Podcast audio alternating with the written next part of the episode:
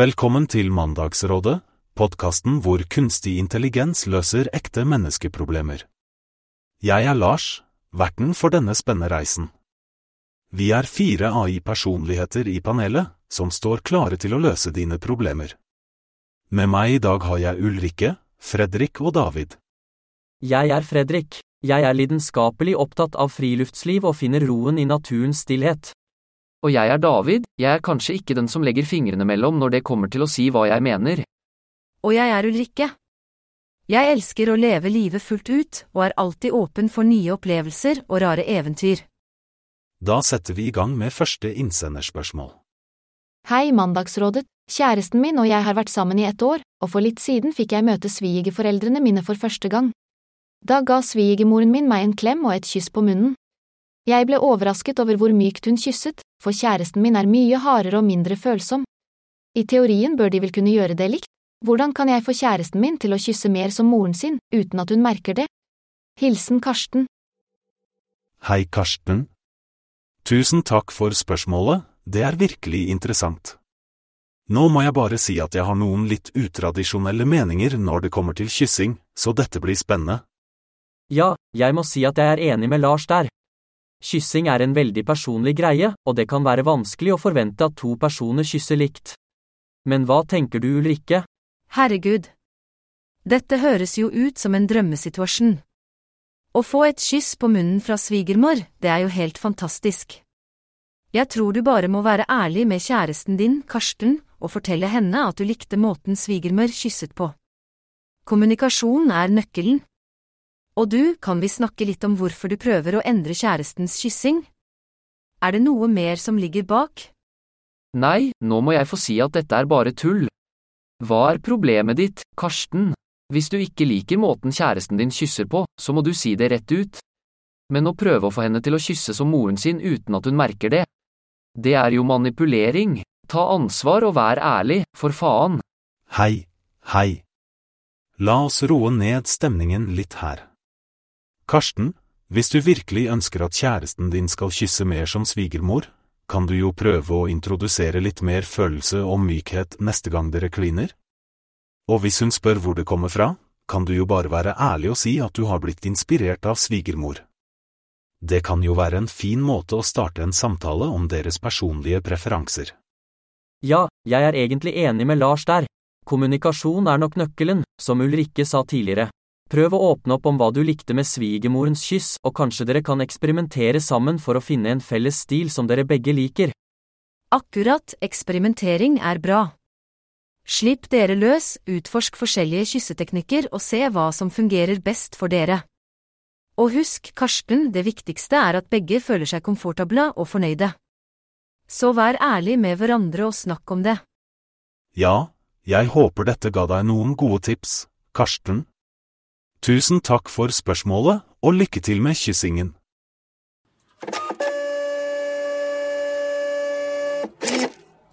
Hei alle sammen. Kjæresten min og jeg skal flytte sammen for første gang, og vi har funnet drømmeleiligheten som jeg synes er perfekt. Men det er bare ett problem. Kjæresten min klarer bare å gå do om den er bak minst to dører. I denne leiligheten er det bare én, og derfor nekter han å bo der. Jeg vil bo i byen, men hvis vi skal finne en stor nok bolig for han så må vi flytte på landet. Hva skal jeg gjøre? Hilsen Theodora. Å herregud, Theodora. Hvorfor kan ikke kjæresten din bare gå på do som alle andre? Det der høres jo helt sprøtt ut. Ja, jeg må si meg enig med Ulrikke her. Å skulle flytte på landet bare på grunn av to dører på do, det høres ut som en veldig ekstrem løsning. Men vi må jo respektere kjæresten til Theodora sin frykt. Det er jo ikke helt uvanlig å ha ulike behov og preferanser når det kommer til boligvalg. Hva om vi finner en byleilighet som har et annet sted hvor han kan føle seg trygg? Jeg har det. Hva med å sette opp et telt inne på badet? Da kan han ha to dører å gå på do bak, samtidig som dere kan bo i byen. Er du helt idiot, Ulrikke? Tenk på alle pengene de må bruke på å kjøpe et telt hver gang han må på do. Nei, Theodora, dette er jo bare tullprat. Du må sette foten ned og finne en løsning som fungerer for begge. Men hva med å starte med å finne en midlertidig løsning? Kanskje dere kan leie en leilighet i byen, og samtidig få tak i et bærbart toalett med to dører? På den måten kan dere se om dere trives med å bo sammen før dere tar det store steget med å kjøpe en bolig. Ja, og hvis det går bra, så kan dere kanskje gradvis jobbe dere opp til å bruke toalettet uten to dører. Kanskje kjæresten din kan begynne med å lukke en dør av gangen, og så gradvis venne seg til å gå utenfor komforten? For faen, hva skjer med verden, hvorfor kan vi ikke bare være normale og gå på do som alle andre? Hvis jeg blir invitert på fest og må på do, tror du jeg blir glad om jeg går inn på et bad med to dører? Nei, jeg får gå rett ut igjen og finne meg et nytt bad. David, jeg forstår at du er frustrert, men vi må være litt mer åpne for ulike menneskers behov og preferanser. Pokker ta alle som ikke kan bruke toalettet uten to dører.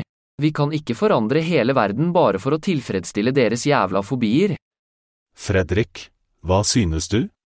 Jeg forstår frustrasjonen til David, men jeg tror det er viktig å finne en løsning som begge to kan være fornøyde med. Å bo sammen er en stor overgang, og det er viktig å ta hensyn til hverandres behov.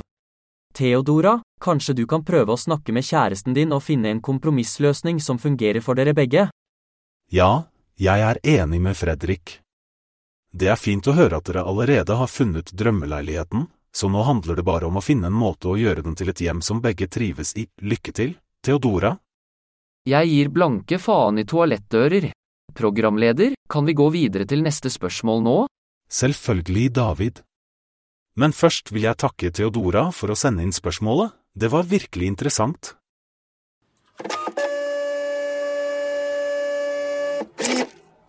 Kjære Mandagsrådet, jeg har datet en fyr i to måneder, og alt er fint. Det eneste problemet er at han synes jeg har for stygge klær, og at jeg har dårlig smak og dårlig stil. Men jeg synes at jeg kler meg fint, og det sier vennene mine også. Hva skal jeg gjøre, bør jeg skifte garderobe? Med vennlig hilsen Hanne. Hanne, det der høres jo helt forferdelig ut. Hvordan kan han si noe sånt? Jeg mener, smaken er jo subjektiv. Ja, for faen, han kan ikke bare komme her og si at du har stygge klær. Hva faen bildet han seg inn? Hør her, Hanne, stol på deg selv og din egen stil. Jeg er enig med David. Klærne dine skal jo gjenspeile hvem du er, og om du føler deg bra i dem, så er det alt som betyr noe. Ja, akkurat. La oss ikke la denne fyren ødelegge selvevalueringen din, Hanne. Fortell han at du digger stilen din, og at du ikke vil gjøre endringer for noen andre. Ja, la han få vite at du ikke kommer til å endre deg for hans skyld. Han kan bare dra til helvete. Men, hva om det faktisk er slik at Hanne faktisk har dårlig smak og dårlig stil?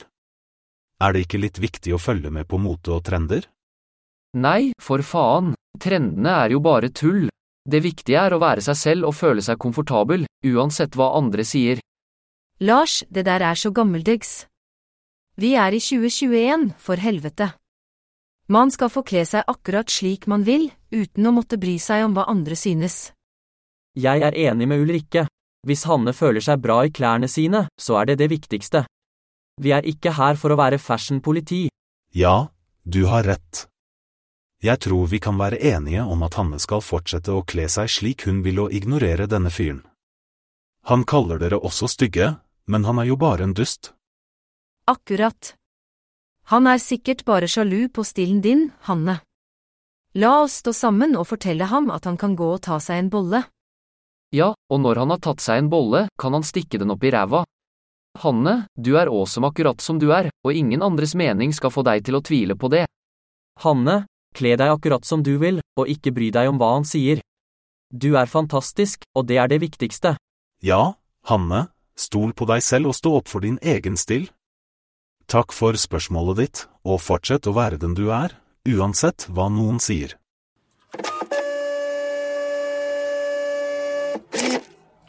Hei, sønnen min på seks år tror fortsatt på julenissen, og jeg synes han begynner å bli for gammel.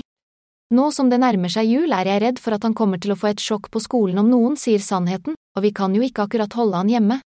Men vi har ikke hjerte til å fortelle han at julaften er bygget på en løgn. Hva skal vi gjøre? Hilsen Grinchen. Å, jeg synes det er så koselig at han fortsatt tror på julenissen. La oss ikke ødelegge den magiske stemningen for ham. Julen skal være en tid med tro og håp, ikke sannheten og realiteten. Vi kan jo bare la ham tro så lenge han vil. Hva faen snakker du om, Ulrikke? Du vil la ungen leve i en løgn? Han er seks år gammel, for helvete. Det er på tide at han får seg en dose av virkeligheten og innser at julaften handler om gaver fra foreldre, ikke en snøskjeggkledd GSR som sniker seg inn i huset om natta. Jeg er enig med David her. Selv om det kan være litt trist når barna slutter å tro på julenissen, er det viktig å være ærlig med dem. Hva om de finner ut av det på skolen og føler seg lurt? Vi kan ikke skjerme dem for virkeligheten hele livet. Så du skal bare ta fra ungene all magien og uskylden? Hvordan kan du være så kald og kynisk? Jeg er ikke kald og kynisk Ulrikke. Jeg tror bare på å være ærlig og gi barna det beste grunnlaget for å forstå verden rundt dem.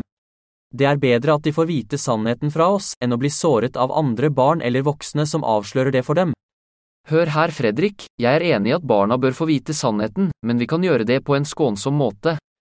Vi kan fortelle ham at julenissen er en fin tradisjon og en symbolsk figur, men at det egentlig er foreldrene som kjøper og legger ut gavene. På den måten beholder han litt av den magiske julestemningen, samtidig som han ikke får seg et sjokk når han blir eldre. Jeg har faktisk et lignende dilemma, men det handler ikke om julenissen. Min sønn har en organisk bestevenn som tror på enhjørninger. Og nå er jeg redd for at han skal lese et naturvitenskapelig blad en dag og finne ut at enhjørninger ikke eksisterer. Hva skal jeg gjøre? Du er jo helt på jordet, Lars. Både ungen din og bestevennen tror på noe som ikke finnes. Det er faktisk enda verre enn julenissen. Du må fortelle din sønn at enhjørninger er en mytologisk skapning og ikke en ekte art i naturen. På den måten lærer han at det er viktig å skille mellom fantasi og virkelighet. Ja, du har nok rett, David. Jeg må nok bite i det skjøre eplet og være ærlig med ham. Takk for rådet. Og lykke til, Lars. Det er aldri lett å fortelle barna våre om virkeligheten, men det er en del av å være forelder. Ja, jeg tror også det er det beste for barna våre. La dem beholde litt av magien og fantasien, men la dem også få lære om sannheten. Det er en fin balanse, og det er i bunn og grunn kjærligheten vi viser dem ved å være ærlige. Takk for gode råd, David, Fredrik og Ulrikke. Det er virkelig en vanskelig situasjon, og jeg håper innsenderen finner en løsning som passer for familien deres. Vi ønsker dere en magisk julefeiring, uansett hva dere velger når det kommer til julenissen.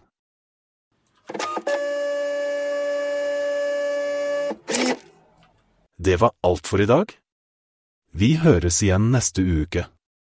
Podkasten er generert med AI og er utviklet og produsert av Sindre Lindstad. Hvis du har et spørsmål, send det til oss. Du finner info i episodeteksten.